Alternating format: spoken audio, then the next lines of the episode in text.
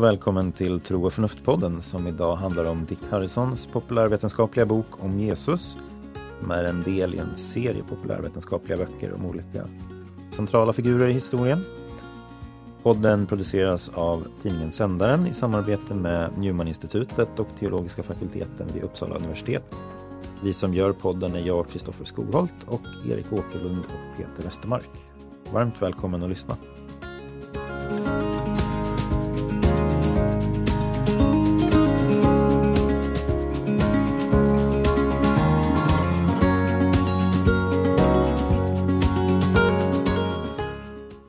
Ja, välkomna till ett nytt avsnitt av Tro och förnuft-podden eh, som idag handlar om Dick Harrisons bok om Jesus som kom förra året. Och eh, Dick Harrison är ju professor i historia vid Lunds universitet och eh, brukar bland annat svara på läsarfrågor i Svenska Dagbladet och har ibland berört Jesus i de kolumnerna på ett ganska intressant sätt. Ehm, och eh, som sagt var, det är en eh, populärvetenskaplig serie idag och han har, han har fått skriva boken om Jesus. Och innan vi går in och pratar om boken så tänkte vi säga hur vi ska lägga upp dagens program då. Så vi börjar med en liten reflektion om hur, vad, vad betyder egentligen det här när man pratar om den historiska Jesus? Um, hur, vad, hur, ska man förstå det och det kontrasteras ibland med trons Kristus och sådär. Och sen tänkte vi ge en liten överblick över vad Harrison menar att man som historiker kan säga är historiskt i evangelierna. Och sen tänkte vi gå in lite och diskutera en amerikansk exeget som heter John P. Meyer som ofta brukar beskrivas som världens främste Jesusforskare. Ehm, och han har, hans diskussioner om olika kriterier för att liksom utvärdera autenticiteten då i olika episoder i evangelierna, alltså den historiska äktheten och sådär. Eh, och efter det så tänkte vi väl mer gå in på saker som vi vill diskutera eller sätta utropstecken eller frågetecken inför i Dick Harrisons bok. Då. Eh, yes, låter det bra? Nu, ni, ni nickar, det är inte eh, alltid som det går fram i poddar, men jag tar det som positivt. Eh, ja, nej men om vi börjar då med den här distinktionen mellan historiens Jesus och trons Kristus så eh, har John P. Meyer en ganska bra iakttagelse att eh, egentligen så borde vi kanske prata om historikerns Jesus. Och så kontrasterar han det med verk, den verkliga Jesus då. För mm. den, den verkliga Jesus som den person som levde eh, under en drygt 30 år i, i Palestina, Israel, för 2000 år sedan.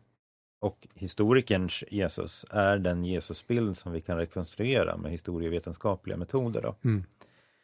Och historikerns Jesus kommer ju att se lite olika ut i olika tider också beroende på vad det är för eh, så att säga, historievetenskapliga paradigm som, mm. som råder då vid, vid en given tidpunkt. Så istället för att, så att säga, göra distinktionen mellan trons Kristus och historiens Jesus så, så gör han distinktionen mellan den verkliga Jesus och historikerns Jesus. Mm.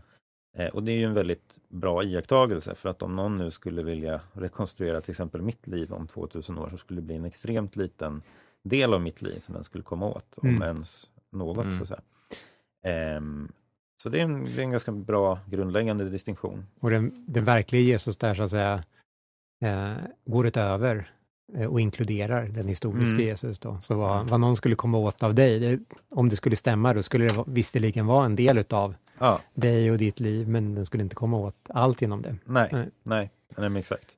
Så det blir mindre dikotom, skillnaden den mellan historiens Jesus och trons Kristus, så att säga. Mm, det är mer av en del-helhetsrelation. Ja, precis. Eh, och det, det, är ju inte så att du kan använda historikerns Jesus för att säga att allting som går utöver historikerns Nej. Jesus är ohistoriskt. Nej, visst. Det är overkligt. Eller overkligt. Eh, precis.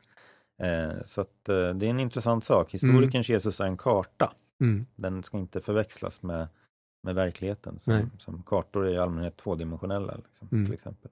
Visst. Eh, verkligheten är i allmänhet tredimensionell. Mm.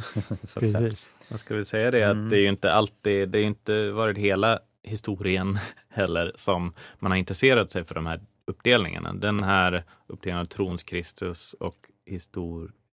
Alltså den, den traditionella då, mm. historiens Jesus. Mm, mm. Det, är, det, är det Bultman som myntar det som tydligast? Tror jag. Jag vet inte, den men själva kontext- tankefiguren finns ju Ja. redan från exegetikens början, alltså moderna Mm. exegetiken. Reimarus på Ja, 1700-talets precis. slut och så. Och då har man ju metodologisk princip där att allt övernaturligt är per definition Mm. ohistoriskt så att säga. Mm. Och då blir det ju, och hör då liksom till, till, till em, den trons bild som då implicerar, antyds vara liksom projektioner bara. Och det där är en intressant poäng i sig, att kanske var det så att Reimarus och de här första upplysnings eh, eh, dekonstruktion av Mm. Jesus, det var ju framförallt mirakel som man hade problem med. Man hade ett metafysiskt, filosofiskt problem med tanken på att Just. universum skulle kunna inbegripa mirakel. Det var ju inte främst egentligen att man hade läst och satt sig in så tydligt i den historiska situationen som Jesus från Nasaret levde i, utan Nej. då var det ju en filosofisk förförståelse som gjorde att Mm. man var tvungen att hitta på en annan Jesusbild. Mm. Visst. Mm. Mm. Jo, visst. Det säger ju något i Och, sig. och den, den, den dikotomin har ju så att säga levt kvar inom Mm. Mm. um, bibel, bibelvetenskapen så att säga. Mm. Ehm, och en slags ja, misstänkens hermeneutik så att säga. Mm. Eh, men vi kanske ska säga någonting då om, eller gå över på vad Dick Harrison menar är en del av historikerns Jesus då. Eh, och en, om man börjar liksom i kronologisk ordning så att säga så, så är det ju att Jesus växte upp i Nasaret i Galileen. Eftersom det för evangelieförfattarna, framförallt eh, Matteus och Lukas då, är någonting som de behöver hantera. De Mm. vill ju förlägga Jesu födelse till Betlehem. Och oavsett hur man ser på den saken så blir det ganska onödigt att ta med Nasaret om ditt ärende är att Jesus föddes i Betlehem. Mm. Eh, liksom, som en Messias eh, kandidat så att säga, skulle göra. Så. Och det är ju tydligt i, i evangelierna att, in, att Jesus är från Nasaret hela tiden. Det är Mm. snickarens son Mm. Precis. uppe i Kan det Galileen. komma något gott från Nasaret? Ja. Mm. Mm, som det står. Exakt, och sen är det att han döptes av Johannes döparen, vilket ju också är någonting som evangelieförfattarna behöver hantera. Mm. Alltså Johannes döpte ett omvändelsedop så att säga. Och varför skulle Jesus då ha, ha liksom gått in under Johannes döparens ledarskap och om, gå- genomgått ett sånt dop. Ehm, ja, han sen på, fortsätter att säga att Jesus hade lärjungar, han predikade, predikade om Guds rike, han utförde handlingar som människor uppfattade som helanden och eh, ja, olika typer av befrielser och sådär. Mm. Han förråddes av Judas. Han korsfästes. Det var ju inte så en, en Messias liksom skulle sluta sina dagar, så att säga.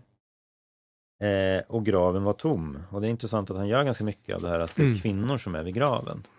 Eh, som, som inte betraktades som så att säga, trovärdiga vittnen i, i domstol och så här. Och det Mm. där argumentet har jag ibland hört från lite så evangelikal apologetik.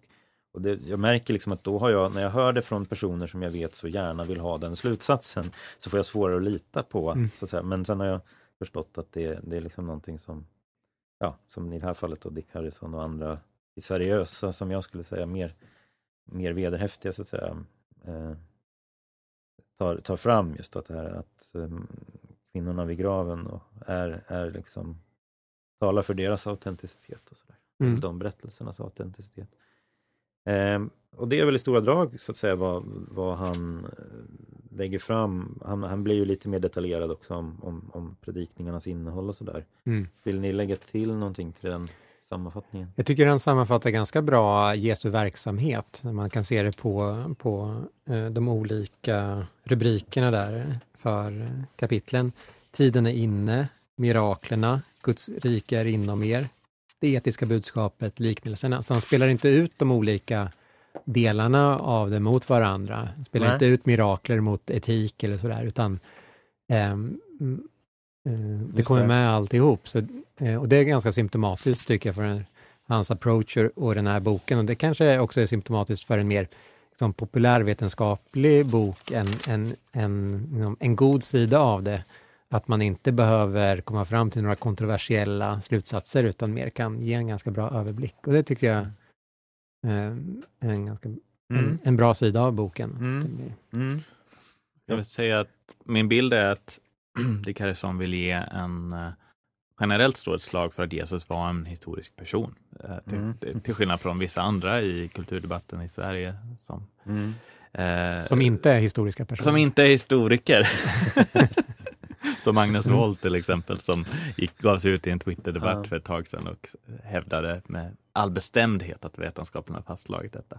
Men eh, så att jag kan tänka mig att det är, Mm. men, men som du sa Erik tidigare så är det något befriande med att läsa någon som säger så här att det, det, det är många saker vi kan veta om den historiska Jesus. Mm. Eh, och sen så är det många saker som Dick Harrison låter vara osagt eller liksom han, Mm. han, han har inte det här behovet att liksom fastslå hur det ligger till med varenda berättelse han nämner. Ibland kan han redogöra ganska långa bibelpartier och sen så låter han det Mm. bara för att måla en fond, liksom måla Mm. en Just det. Nej, Jag tycker det, man märker verkligen att han är just historiker och det, den, den stora skillnaden blir där att han inte från början behöver förhålla sig till den här enorma exegetiska bakgrunden och litteraturen utan just kan komma in med då sina metoder och titta på det utifrån det. Och, Mm. och sen kanske han då kan liksom relatera lite till det, men, men det gör det betydligt mindre, låt säga neurotiskt än vad, än vad viss eh, litteratur är som, som redan från början måste positionera sig. Mm. Mm. Nej, precis. Och i slutet av boken så, så gör han en liten reflektion kring olika faser i Jesus-forskningen. Och då Just det. pratar han om en, en liksom hyperskeptisk fas i Mm. början på 1900-talet då, Mm. eh, som han eh, eh, ja, distanserar sig gentemot, liksom, Mm. eller menar att, Visst. att vi har lämnat, så att säga. men där, där så att säga, allting är eh, uteslutet och, från början och sen får Mm. liksom kämpa sig in. För honom är det ju mer att han lämnar det öppet då. Så Mm. Det kanske var så eller kanske inte var så. Visst. Sådär. Det- Och det är en mm. fråga om huruvida du är troende eller inte. För om du är Ja, troende så, så passar det bra in, men om du inte är så verkar det osannolikt. nej, och just det, det. det passar ju bra in i det här vi pratade om från början, att det inkluderar men går utöver. Ja. Så han förhåller sig Jo, exakt. på det sättet, snarare än då, eh, som du var inne där på Peter, att det kanske finns ett arv av en sorts eh, upplysningsförståelse, eh, förståelse, upplysningsmetafysik som, som ändå dröjer kvar i en del Ja. eh, bibelvetenskap och exegetik. Jo, precis. Vi har ju berört det i något tidigare avsnitt Mm. också, men det är ju en, en, en problematik, tycker jag, i Hägerland och Waséns bok om Jesus, där, där det just blir väldigt explicit att det vi inte kan naturvetenskapligt förklara eh, kan heller inte ha, ha hänt, så Mm. att säga. Och så blir det liksom inbyggt i metoden. Eh, och det är ju en skillnad om man bara lite kort ska säga hur John P. Meyer förhåller sig till mirakelberättelserna i, i Nya Testamentet så säger han ju att ehm, eh, han försöker skilja på frågan Upplevde de här människorna någonting extraordinärt? Har vi liksom historiska skäl för att tro Mm. att de upplevde något extraordinärt som, vi, som de tolkade som helanden? Mm. De skiljer från den frågan och, och vad orsakade den händelsen? Mm. Så att säga. Och, han som, och då blir det väldigt tydligt att när du går in på frågan vad orsakade det? Då har det med din världsbild att göra. Mm. Då har det liksom med din Mm. metafysik att göra. Och då är Mm. inte historikern i en Nej. mer privilegierad position att avgöra det. Utan historikern är att försöka Mm. förstå vad, vad upplevde de personerna? Visst.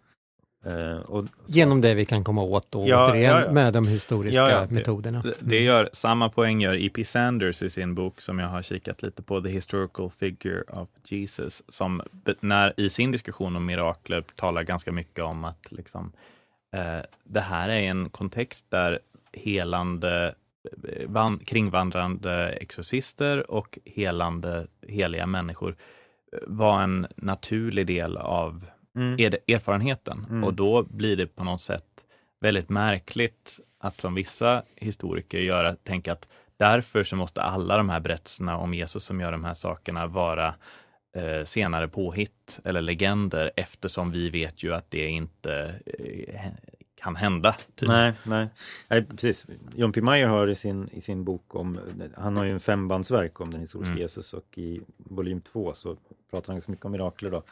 Och då gör han en ganska snygg, eh, an- man brukar prata om analogiargumentet, att det vi så att säga tänker hände historiskt eller dåtid, det måste vi kunna ha någon slags analogier till idag. Och det där har man ibland använt då som ett argument mot mirakler. Men Mm. han säger att vi har väldokumenterade exempel på oförklarliga tillfrisknanden i religiösa kontexter idag. Och det Mm. har man ju till exempel i, katolska kyrkan ett ganska gediget arbete för att liksom undersöka vissa mirakler och innan man säger att det här var autentiskt så ska man liksom utesluta att det finns en medicinsk mm. känd förklaring till det. Så, mm. så vi har det idag, då kan vi inte utesluta att det hände för 2000 år sedan.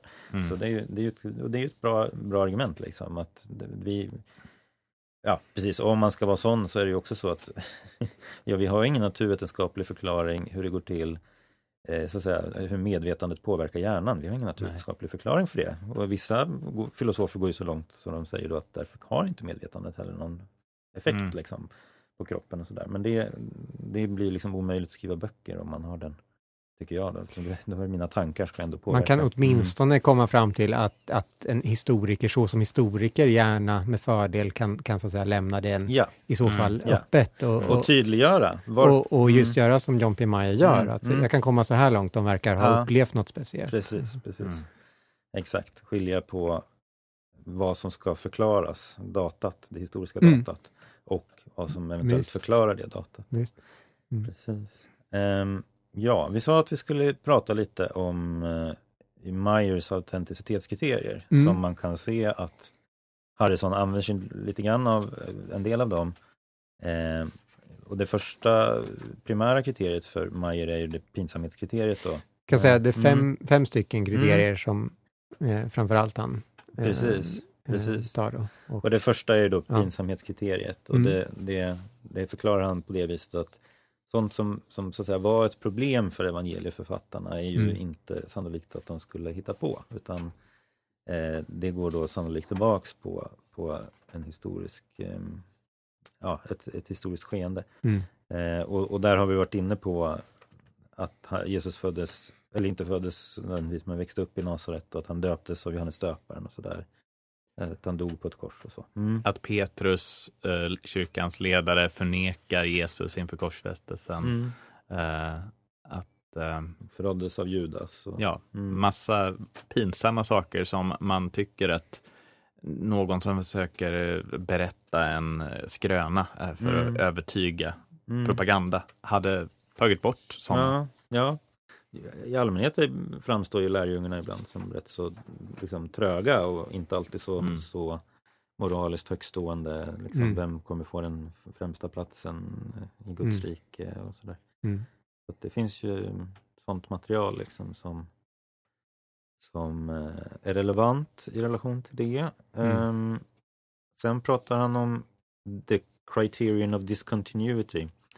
Eh, och huvudpoängen i det kriteriet då är, är väl att man kan inte använda det negativt egentligen för att utesluta saker, men mm. man kan använda det positivt. Och Det står för att material i evangelierna om Jesus som varken verkar vara ett uttryck för den judiska samtiden mm. eller ett uttryck för den senare kyrkans mm. eh, agenda, så att säga, mm. teologiska agenda, det vill säga sånt som inte förekommer särskilt mycket i den judiska samtiden eller i, mm. i den efterföljande kyrkan, liksom i breven och sådär, eller i andra utom, utom nya testamentliga skrifter och så.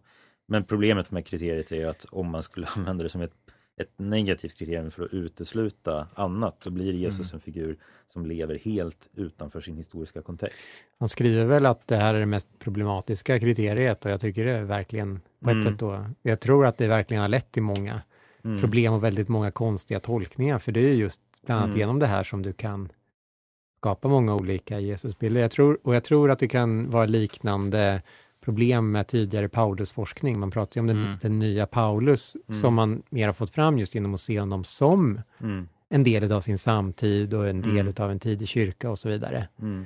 Um, om man tar det här exemplet med om någon vill få reda på saker om dig och vem du var, om 2000 år och mm. sen hittar just de udda sakerna. Liksom. Ja, du dricker någon speciell japansk fil på morgonen, du tar den vägen och inte den andra när du cyklar eh, där och så vidare. Det mesta gör vi ju mm. ganska, ganska likt andra. Mm. Då kan man ju få fram väldigt konstiga mm. representationer och bilder det. utav det. Och ja. dessutom så ligger det i premissen att man avviker väldigt mycket då från, ja.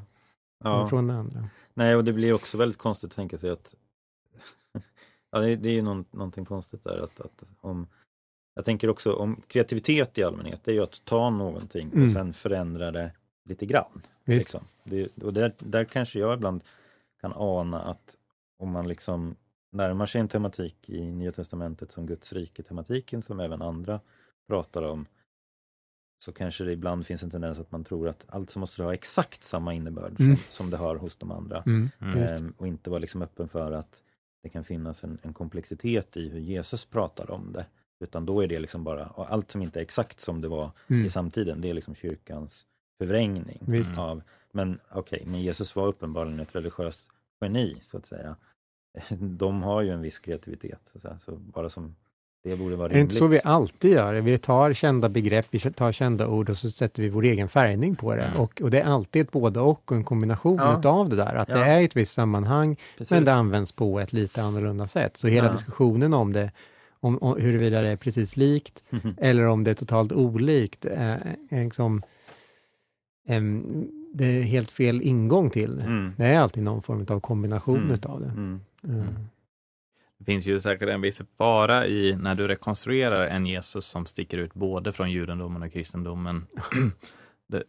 Då kan du ju alltid forma Jesus väldigt tydligt efter, ja, man, man drar, tar fram särskilda drag han säger och liksom och sen så måste du fylla ut glappet då. Om man Mm. inte har med varken judendom eller kristendom att göra så kanske han har massa med det jag säger att göra. Mm. Alltså det, då kan du alltid projicera in en massa saker eller liksom fylla i Ja, just det. hans Mm. ord med en laddning som, eh, som jag tänker en historisk medvetenhet om varifrån han kommer och sen vad kyrkan lär sig, eh, drar ut för, för någonting ur det här. Alltså Mm. det, Och det var ju redan då Albert Schweitzers kritik i början av 1900-talet mot eh, 1800-talets Mm. Jesusforskning, där att man, det blev en avspegling av forskarna själva egentligen, mm, eh, som väl slut, så att säga, var slutpunkten av ett exegetiskt projekt. Där. Ja, precis. Ja, och sen det tredje kriteriet som han tar upp är eh, the criterion of multiple attestation. Alltså att en händelse eller ett Jesusord och sådär finns i fler, mer än en källa. Så vi har ju breven och vi har synoptikerna, Mark, Matteus, Markus, Lukas och så har vi Johannes evangeliet liksom. Och Mm.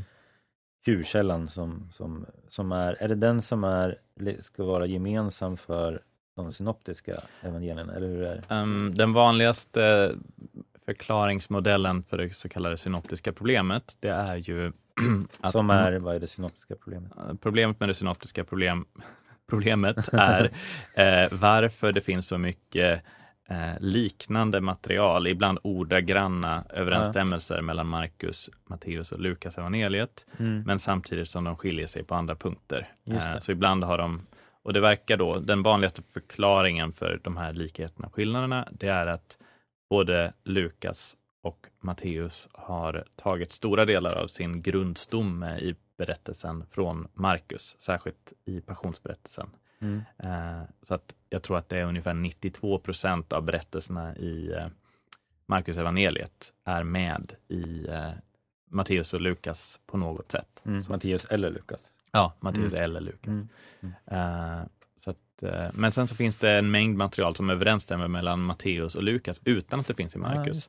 så då är, Mm. och det är Q-källan brukar man säga. Mm. Mm. Q-källan har aldrig upphittats som en konkret Nej, fragment eller skrift. nej. Även om det finns då forskare som går så all in på Q-källan att man har skrivit, gjort en kritisk utgåva av en text som aldrig har påträffats. Eh, så det där är ett helt eh, ett Mm. Vad slukhål. betyder en kritisk utgåva?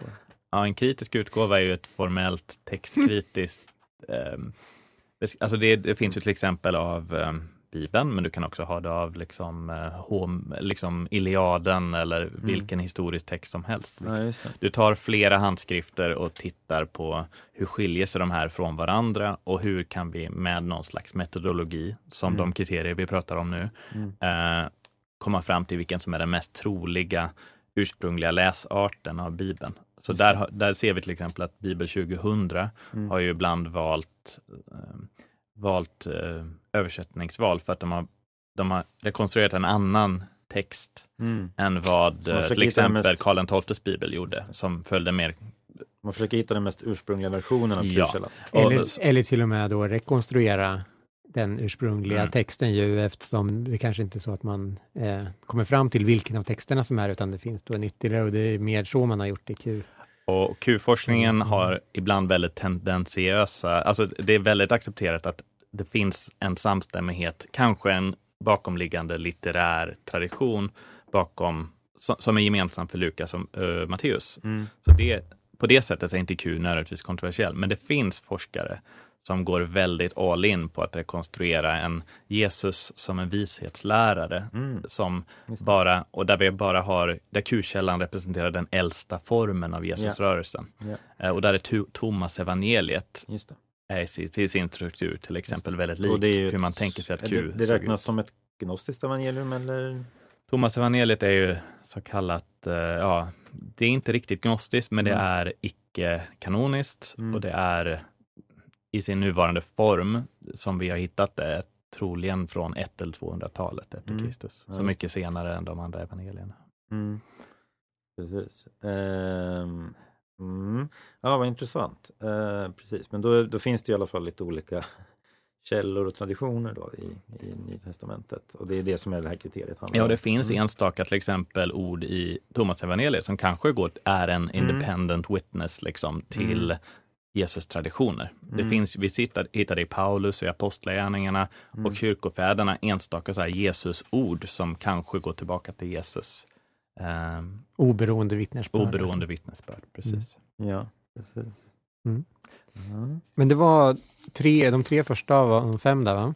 Ja, precis. Och sen hade vi ju ehm, det han kallar för criterion of coherence, eller koherenskriteriet, som egentligen innebär att om man har etablerat en mängd eh, data, så att säga, då, så, så får du ju en viss innehåll, ett visst idéinnehåll i det datat. Och då, sådant som är koherent med det har ju då en prima facie plausibilitet, så att säga.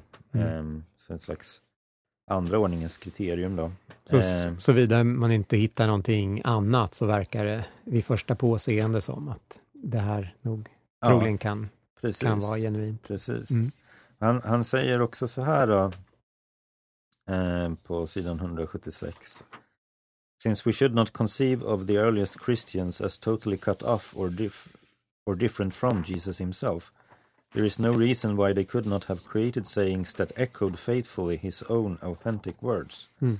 In a loose sense, such derived sayings could be considered authentic insofar as they convey the message of the historical Jesus. Visst. But they cannot be considered authentic in the technical sense, in the sense of actually coming from Jesus himself. Mm. Ehm, mm. Finns ju eh, tydliga paralleller där till hur man resonerar kring eh, eh, antika filosofer. Heraklitos sa ju till exempel inte att det här, man kan inte stiga ner i en flod två gånger, men Nej. man menar ju att det väldigt det. väl uttrycker hans, Just det. hans eh, lära så att säga, och det är Ja. väl troligen det, det. som, det som det blev stort också för att det sammanfattar. Så Ja. visst, inte autentiskt, men det är inte vilseledande heller. Nej. Nej, men exakt. Och det där var, det- för mig var det för lite av en aha-upplevelse när jag läste Harrisons bok här. Ja. När han pratar om, om bergspredikan. Mm. För han säger att ja, men, eh, det är väl inte kanske troligt att Jesus liksom höll den exakt så här som den är, är Mm. beskriven. Men det är ingen som egentligen tvekar på att det är en, en, liksom ett trovärdigt uttryck för Jesu Mm. undervisning. Mm. Och där blir det ju också så att man som, som troende kan, kan så att säga, ge ett rum för den teologiska och litterära kreativiteten hos Mm. evangelieförfattarna Just. som en del av uppenbarelsens process. Mm, så att just. säga. Det Ja. finns verkligen, det finns en hel del i kyrkan som är alldeles allergiska mot tanken på att se evangelisterna som författare. Mm. Men det är uppenbart Just att de det. är författare. Mm. Alltså att de tecknar varsitt porträtt. De är inte bara Jesus. stenografer så att säga. Nej. För de är vet ju om att Mm. Lukas skriver till och med, andra har eh, gjort Mm. en sammanställning av det här. Nu ska jag berätta på mitt sätt. Och sen så, Mm. eh, Han menar ju att han gör det på det bästa sättet och att de Mm. andra har missuppfattat ordningen. Och så. Mm. Eh, Men det är tydligt Mm. också att man ger sin teologiska profil och, och budskap till det hela. Och jag tycker att det finns en, liksom en teologisk ehm, försvar till att man kan se det som det. Vad är det Jesus säger? Större ting än dessa ska ni göra. Alltså det finns, och alltså att han ger den heliga ande till kyrkan. Det är ju också ett sätt att säga bemyndiga apostlarna att ta, ta det här budskapet Mm. och berätta Mm. den här berättelsen. Mm. Mm. Eh, och frågan är, eh, jag, jag tänker att mycket av den här 1800-tals eh, Mm. vetenskapen kring, kring Mm. historisk Jesusforskning var väldigt präglad av sån här stor, stor man i historien som att man skulle rekonstruera Mm. den, den liksom, Mm. den fakt, vad som egentligen hände och vad som egentligen sades. Och att det, Mm. det är det mest autentiska. Mm. Men det vet jag inte om det är ett så fruktbart sätt att faktiskt komma åt Jesus. Mm. Eller, eller nej, någon annan Nej, men exakt. person. Och det är väl en, en sak att, att så att säga ehm, man kan ju tänka att Jesus och andra stora personer för den delen också, men att man man sätter igång en rörelse, man är en impuls Mm. som, Mm. som, som sen kommer till fullare uttryck. Ja. Och eh, det finns väl många sätt att, ja. Ja, du kan ju försöka komma fram till det förstås, Mm, men inte mm. sätta upp det här dikotoma, att allting som, som sades eller har ut, utvecklats efter eller vid sidan av är så att säga noll och intet värt, Mm. medan det, det är det här det. som vi måste komma åt, utan mer Mm. se eh, honom då i sin, i sin kontext. Och, Mm. eh, Nej, precis. Och om man tar bergspredikan till exempel, som ju i Matteus kallas för bergspredikan, men Mm. i Lukas för slätt, eller inte Mm. kallas väl inte, men är på en slätt. Så. Mm. så, så är det ju lätt att tänka att Matteus som skriver för en judisk publik sätter det på ett berg för att det ska väcka eh, all, associationer till att Mose tar Mm. emot lagen Just. på, på berget. Liksom. mm. Ehm, och, men det är ju väldigt liknande tematik så att säga i, Mm. i, i, i båda återgivningarna. Mm. Även om inramningarna är, är olika där då. Men, men eh, och då, ja, precis. Och då, jag har funderat lite på att det, verkar ju som att någonstans är frågan i bergspredikan vem är vem, jag vet inte om ni håller med om det, men så här, vem är historiens hjälte? På ett Mm. sätt är nästan den. Kan du Jo, men- förklara? Saliga är Ja. de fattiga. Jaha. Ja, de okej. som sörjer, de som blir förföljda för rättfärdighetens skull och så vidare. Är liksom, vem är historiens hjälte? Mycket i kulturen. Historien i be- betydelsen eh, his, som historiker eller histor vem är hjälte? Nej, i- ja, men med hjälten i historien, i, i tillvaron. Ja, just det, i tillvaron. den historiska verkligheten. ja men precis. Mm, Ehm, och att mycket av en kultur är uppbyggd kring en viss bild av mm, vem som är eh, tillvarons hjälte eller hjälten där. Mm. Och där är ju ja men Putin vill uppenbarligen bli en hjälte i historien så att säga, Mm. och har en viss bild av hur han, hur han ska bli det. Och Mm. Jesus så att säga sätter fram då några, några mm, oväntade här som, som historiens mm, hjältar då. mm. Eller vem är centrum och vem är periferi? Ja, just det, Mm. precis. Också. Där vänder upp och ner på det också. Ja, precis.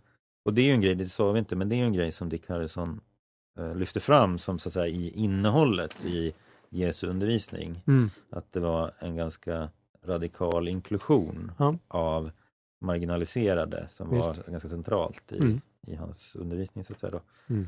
Inklusive kvinnor, han tar ju upp det, det, det nämnde vi lite kort där, men Maria från Magdala som återkommer ganska mycket mm. i Nya Testamentet och Mm. liksom också är central vid Och det relaterar ju Mm. till det här criterion of embarrassment. Då. Ja, det, ja men precis. Det, lite, Precis. Exakt. Och även sådana saker som att eh, begreppet eh, evangelium som ju användes av kejsarna, mm, alltså, eller, eller Guds son och sådär om kejsarna. Så att evangelier, evangelierna anknyter till sådana föreställningar men laddar dem med ett Mm. nytt innehåll. Så att säga. Mm. Eh, Men Det var fyra stycken. Mm, precis, och då har vi det femte då som är the criterion of reaction and execution. Det vill säga att Jesus blev korsfäst och eh, blev, folk blev upprörda så att Mm. i relation till honom. Och ska Mm. vi ha en trovärdig bild av honom så måste vi Han blev göra avvisad. begripligt. Mm. Jag tycker nästan att vi borde läsa det här citatet Ja, för jag tycker ja. han talar så. Eh, det finns ju många till exempel, he- vad heter han, den rebellen Jesus. Det finns en sån här Jesusbok som kom för typ en 15 år sedan eller något, som, av en Sören. Ja, Sören? Wibeck va? Ja, Mm. som skrev, som, jag tror att hans poäng var att Jesus var någon slags revolutionär, Mm. ungefär som gjorde upp med romarriket och sådär. Mm, mm. Um, Meyer skriver då om det här kriteriet om rejection and execution. While I do not agree with those who turn Jesus into a violent revolutionary or political agitator, scholars who favor a revolutionary Jesus do have a point. A tweedy, poetaster who spends his time spinning out parables and Japanese koans, a literary aesthete who toyed with first century deconstructionism, or a bland Jesus who simply told Jesus to, told people to look at the lilies of the field. Such a Jesus would threaten no one, just as the university professors who create him threaten no one. Och sen så säger han då, den historiker Jesus eh, både hotade, eh, liksom störde och förargade människor. Och det måste man ta med i beräkningen någonstans när man rekonstruerar den här personen. Mm. Eh, för annars hade han inte blivit korsfäst. Nej, Mm. nej men precis. Mm. En sak jag funderade lite på, han säger, Dick Harrison säger ju att det inte finns någon, det, han säger väl att det är Johannes evangeliet som det finns egentligen någon tydlig skrivning av varför Jesus blir korsfäst. Men jag håller inte riktigt med om det för att han, i Markus evangeliet så står det ju att de, de för fram falska anklagelser mot honom. Då. Bland annat så står det att han för fram den falska anklagelsen att han hade sagt att riv ner detta tempel byggt på Mm. män, av människohand så skall jag eller Gud, jag minns inte, eh, så att säga resa upp ett tempel på tre dagar som inte Mm. är byggt av människohand. Mm. Det där tycker jag är ganska intressant att Markus inte gör någon teologisk poäng av det utan beskriver det som en falsk anklagelse. Medan det i Johannes evangeliet står att Ja. Jesus själv säger Ja. att jag ska riva ner detta Exakt, tempel. Mm. Eller exakt. riv ner detta tempel. Exakt. Just det. Det är ganska intressant för Mm. att det, det talar väl ändå för historiciteten i det. Mm. Att, att eh, Markus inte Markus så att säga, beskriver det. Det var en anklagelse men den var Mm. falsk. Liksom. Han gör Mm. Jag, misst, alltså jag har funderat på de där orden och jag tror att det kan handla om att det är ju falskt så tillvida att Jesus inte tänkte faktiskt ställa sig och riva ner templet eller Nej, just det. fy, avfyra en katapult mot templet, Mm. utan det var ju romarna som skötte den biten senare Mm. då. Va? Men, Mm. eh, men däremot så syftar han ju på sin egen kropp enligt Mm. Johannes då. Mm. Att han både ifrågasätter templets legitimitet och säger jag är det nya templet Mm. Mm. Mm. och jag kommer dö och uppstå. Mm. Nej, men precis. Så att det, det kan ju vara en förklaring för varf, varför det är en falsk anklagelse så att, Ja, så att säga. Mm. Mm. Mm. Nej, precis. Så kan det ju vara. Ja. Ja, men det är intressant de här kriterierna, de är Mm. jättebra, men jag tänker när jag ser sådana här kriterier och hur man läser, tänker jag på just att um, en filosof som hette Willard Van Orman Quine sa att vetenskap är systematiserat sunt förnuft. Det måste ju vara så ändå när man går in i texten att ja, men man, har, man, man resonerar helt enkelt kring Just det.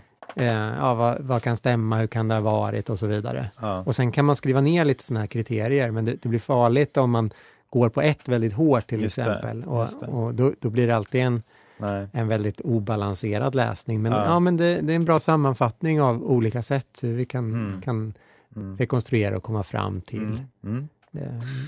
Mm. Och att det finns... Och, och, och i förhållande då till Harrisons Jesusbok tycker jag också att det faktiskt passar väldigt bra, för Dick Harrison går ju inte in på det sättet och reflekterar kring kriterierna, men man ser när man läser Meyer att han på ett Ja. sätt implicit Mm. använder många. Han, Ja. han helt enkelt bara resonerar förnuftigt ja, så att säga. Och Meyer tar fram explicit Mm. de sådana kriterier som, som man använder. Då. Jag tycker det är, det är kul att Harrison har skrivit en sån här bok för att jag, jag, jag, jag är med i en sån här Facebookgrupp där folk diskuterar. Jag orkar sällan ge mig in i diskussion, men eh, där folk diskuterar trosfrågor och så. Och jag tycker det är intressant för att se vad, vad, vad folk på gatan så att säga tänker om såna här frågor. Och det, det var det någon som frågade liksom så här, men hur kan ni veta att Jesus har funnits? Och då så nämnde jag så bara, ja men vi har alla de här historiska argumenten för att han föddes i Nasaret och att han vandrade omkring och att han blev korsfäst. Eh, Det, det, det är historiskt belagt. Mm. Och då menade personen så här, ja fast det är ju inte det intressanta med Jesus. Det intressanta är om han var Guds son och om han uppstod från de döda. Och jag tycker, även om jag tyckte att han blandade ihop korten då, liksom eftersom han frågade, har Jesus funnits? Mm. Eh, så tror jag att ibland går det inte för människor att enkelt skilja på de där frågorna för att personen Jesus är så laddad med den, liksom, vad ska vi säga, Mm, den existentiella anspråk som han gör Mm. väldigt tydligt, Mm, sida på sida i, i evangelierna. Jag är vägen, sanningen och livet. Eller Mm. liksom, jag ska komma och, på himlens moln och döma världen. Liksom. Mm. Så jag kan Mm. förstå på ett sätt det, att det, det är svårt för människor att ta till sig av tanken på Jesus som en historisk figur. För att antingen, Det blir Mm. antingen eller Ja. då, så att säga. Ja. Nej, visst. Och det är väl att först... Men det är Mm. berättigat, jag menar vid någon gräns om, om vi har en person som vi pratar om och den till slut liksom, skiljer sig allt för mycket från vår beskrivning Mm. utav den så, eh, så börjar vi säga att nej, men då var det inte han. Liksom, om man pratar om Theodore Roosevelt sådär och sen går man fram till han var inte president, han var inte från USA Ja. och så vidare. Så till slut säger vi, ja men då var det inte han. Så man kan ändå förstå det sättet Mm. att, eh, att resonera, men, men eh, Nej, men det är väl bra att skilja de två sakerna. Vi, vi kan komma fram till vissa anspråk, vissa huvuddrag och då kan vi säga att han fanns. Sen, sen huruvida de anspråken är berättigade eller inte, det är en annan Mm, fråga. mm. Det är väl en bra skillnad att göra. Ja, precis. Och om den teologiska bilden så att säga är kompatibel med det vi Mm. kan säga Ja, historiskt. då. Mm. Eh, eh, och sen så, så vi har ju inte gått in på, men kanske vi ska diskutera lite vad, hur, han, hur han pratar om uppståndelsen. Ja, Ehm, för att, det kanske är den mest Exakt. anmärkningsvärda delen utav det ändå, får man säga. Mm, ja, men precis. Mm. För han är ju som sagt var ehm, han säger att eh, graven var tom helt enkelt. Jesus dog och det var, fanns, han blev begraven. Han hänvisar bland annat till att Josef från Arimathea blir namngiven och sådär. Mm. Som var den som tog hand om Jesu kropp. Då. Och, och, eh, och, och det, det som han kanske inte är så explicit med men som han skulle kunna vara explicit med är ju att en korsfäst Messias är, liksom, om det är slut där, då borde så att säga Mm. även rörelsen vara slut där. Mm. Eh, och Bart Ehrman som är agnostiker och bibelforskare säger det någonstans att det är liksom självklart att, att de första kristna inte hittade på Jesus för att de skulle aldrig hittat på en korsfäst Messias. Liksom. Nej. Och sådär. Men, men graven var tom i alla fall. Och Mm. eh, hur ska vi förklara det som hände sen då? Eh, och där går han igenom, det är väl fem alternativ? Fem olika, jag kanske Mm. kan ta dem Mm. bara. Eh, det första är att kvinnorna då, som eh, följde honom närmast, eh, rullade bort stenen och eh, gömde, tog bort och gömde kroppen någon, någon annanstans. Mm. Det andra är då att lärjungarna själva, eh, de närmsta apostlarna, eh, gjorde detsamma. Det tredje är att eh, romarna och möjligen judiska förbundna eh, tog bort kroppen. Det fjärde är att Jesus hanterade uppståndelsen på egen hand, det vill säga att han dödförklarades men egentligen inte var, var död. Då. Och det femte är att Jesus verkligen uppstod. Och kortfattat så kommer han först fram till att det första alternativet utav de här, det vill säga att det var kvinnorna som tog honom, kanske är, kanske är det mest troliga. Och sen förväntar man sig att han kanske ska säga någonting i stil med att, men om man räknar med alltså ett, ett trosperspektiv, för det säger han ibland, han går in på det här, om man har ett, om en kristen tro så verkar det här troligt, om man inte har det så, så verkar det otroligt. Men rörande Jesu uppståndelse skriver han då eh, istället och resonera på liknande sätt. Citat, om vi däremot förutsätter att romarna faktiskt satte ut vakter och att dessa fullgjorde sitt uppdrag utan att avvika, somna eller mutas, återstår bara alternativ 5, att Jesus uppstod från dödsriket. Eller som Sherlock Holmes hade konstaterat, med livlig uppbackning av det samlade engelska prästerskapet. Om det utesluter alla andra möjliga lösningar måste den enda som återstår, även om den förefaller osannolik, vara den sanna. Slutcitat. Det så slutar det här kapitlet. Så han kommer först någonstans fram till, vilket jag i sig tycker är intressant, att det är mest en, en väldigt trolig förklaring, om det inte är så att vi räknar med uppståndelsen, skulle vara just att kvinnorna eh, Mm. gjorde det. Mm. Eh, men att eh, Mm. han faktiskt ju kommer fram till att eh, givet att verkligen de romerska soldaterna stod där så är det uppståndelsen som är den mest troliga av de fem. Eller Mm. minst otroliga av de fem. Ja. ja, precis. Eh, Och det exakt. kan man väl Mm. kanske kalla för en maximalistisk eh, läsning ändå, utifrån någon form av, om man tittar på exegetik eh, eh, gemenskapen. så att säga. Mm. Mm. Men Jag tror, alltså, Anty Wright har ju skrivit en lång bok Mm, om, om Jesu uppståndelse som, som han skrev lite i frustration över hur många sådana här historiska Jesusforskare som bara hoppar över det här kapitlet för att det är för obekvämt. Liksom.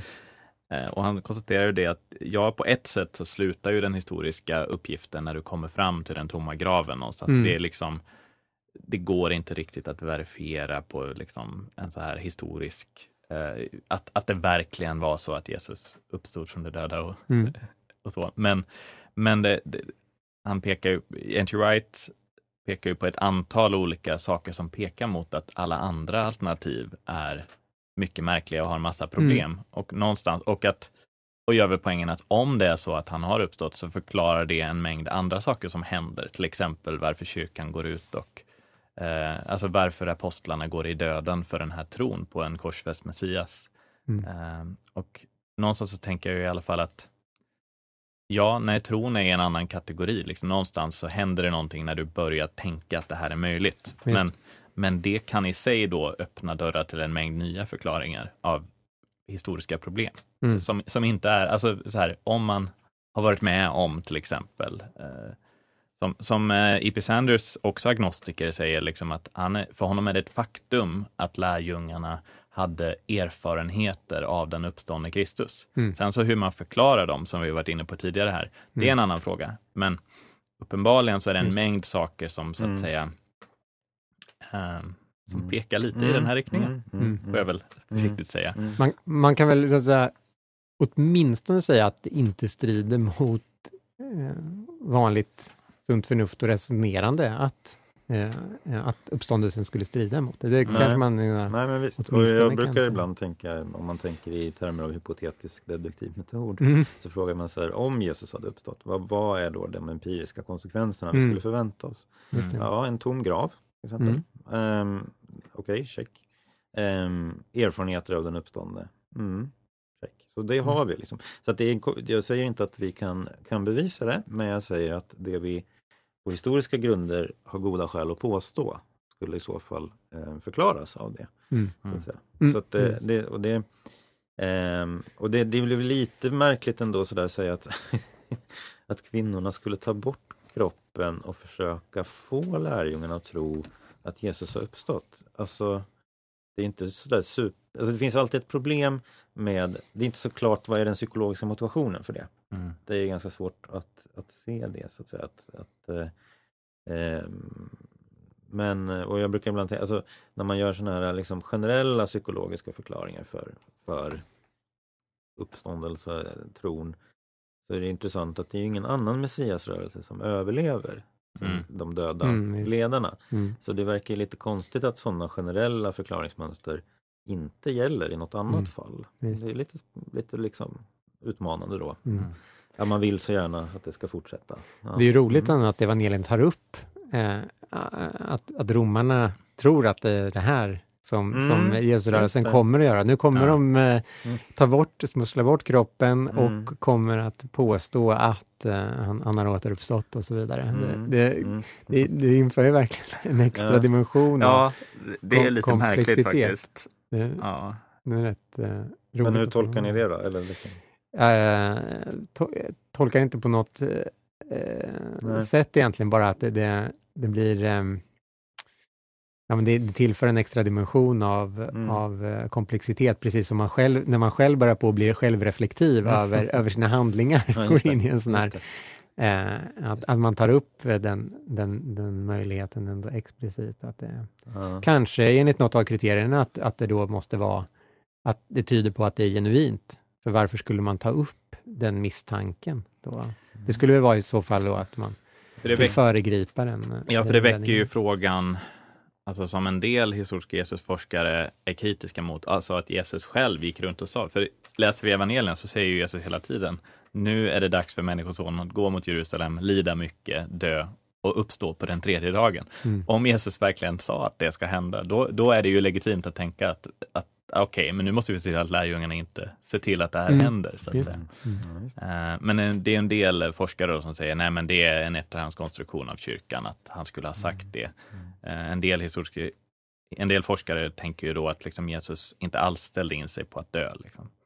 Eh, Utan, Mm. men det, en del menar ju att, att Jesus var inställd på det och Mm. utan att lägga heller några övernaturliga dimensioner på det. Till exempel Tord Fornberg Mm. tänker ju att Jesus var beredd på det men inte att det nödvändigtvis tyder på någon slags övernaturlig kunskap så att säga, utan att mer var, Mm. han såg vartåt det barkade. Så att säga. nej, för det tycker jag är någonting som historisk Jesusforskning har hjälpt mig med att fundera på liksom den jordiska Jesus som profet, som, som Messias, som människa som går runt och har någon slags kall, har någon slags erfarenhet att det här måste, vill Gud att jag gör. Men i sin jordiska, mänskliga erfarenhet så har ju, det finns en massa saker han inte vet.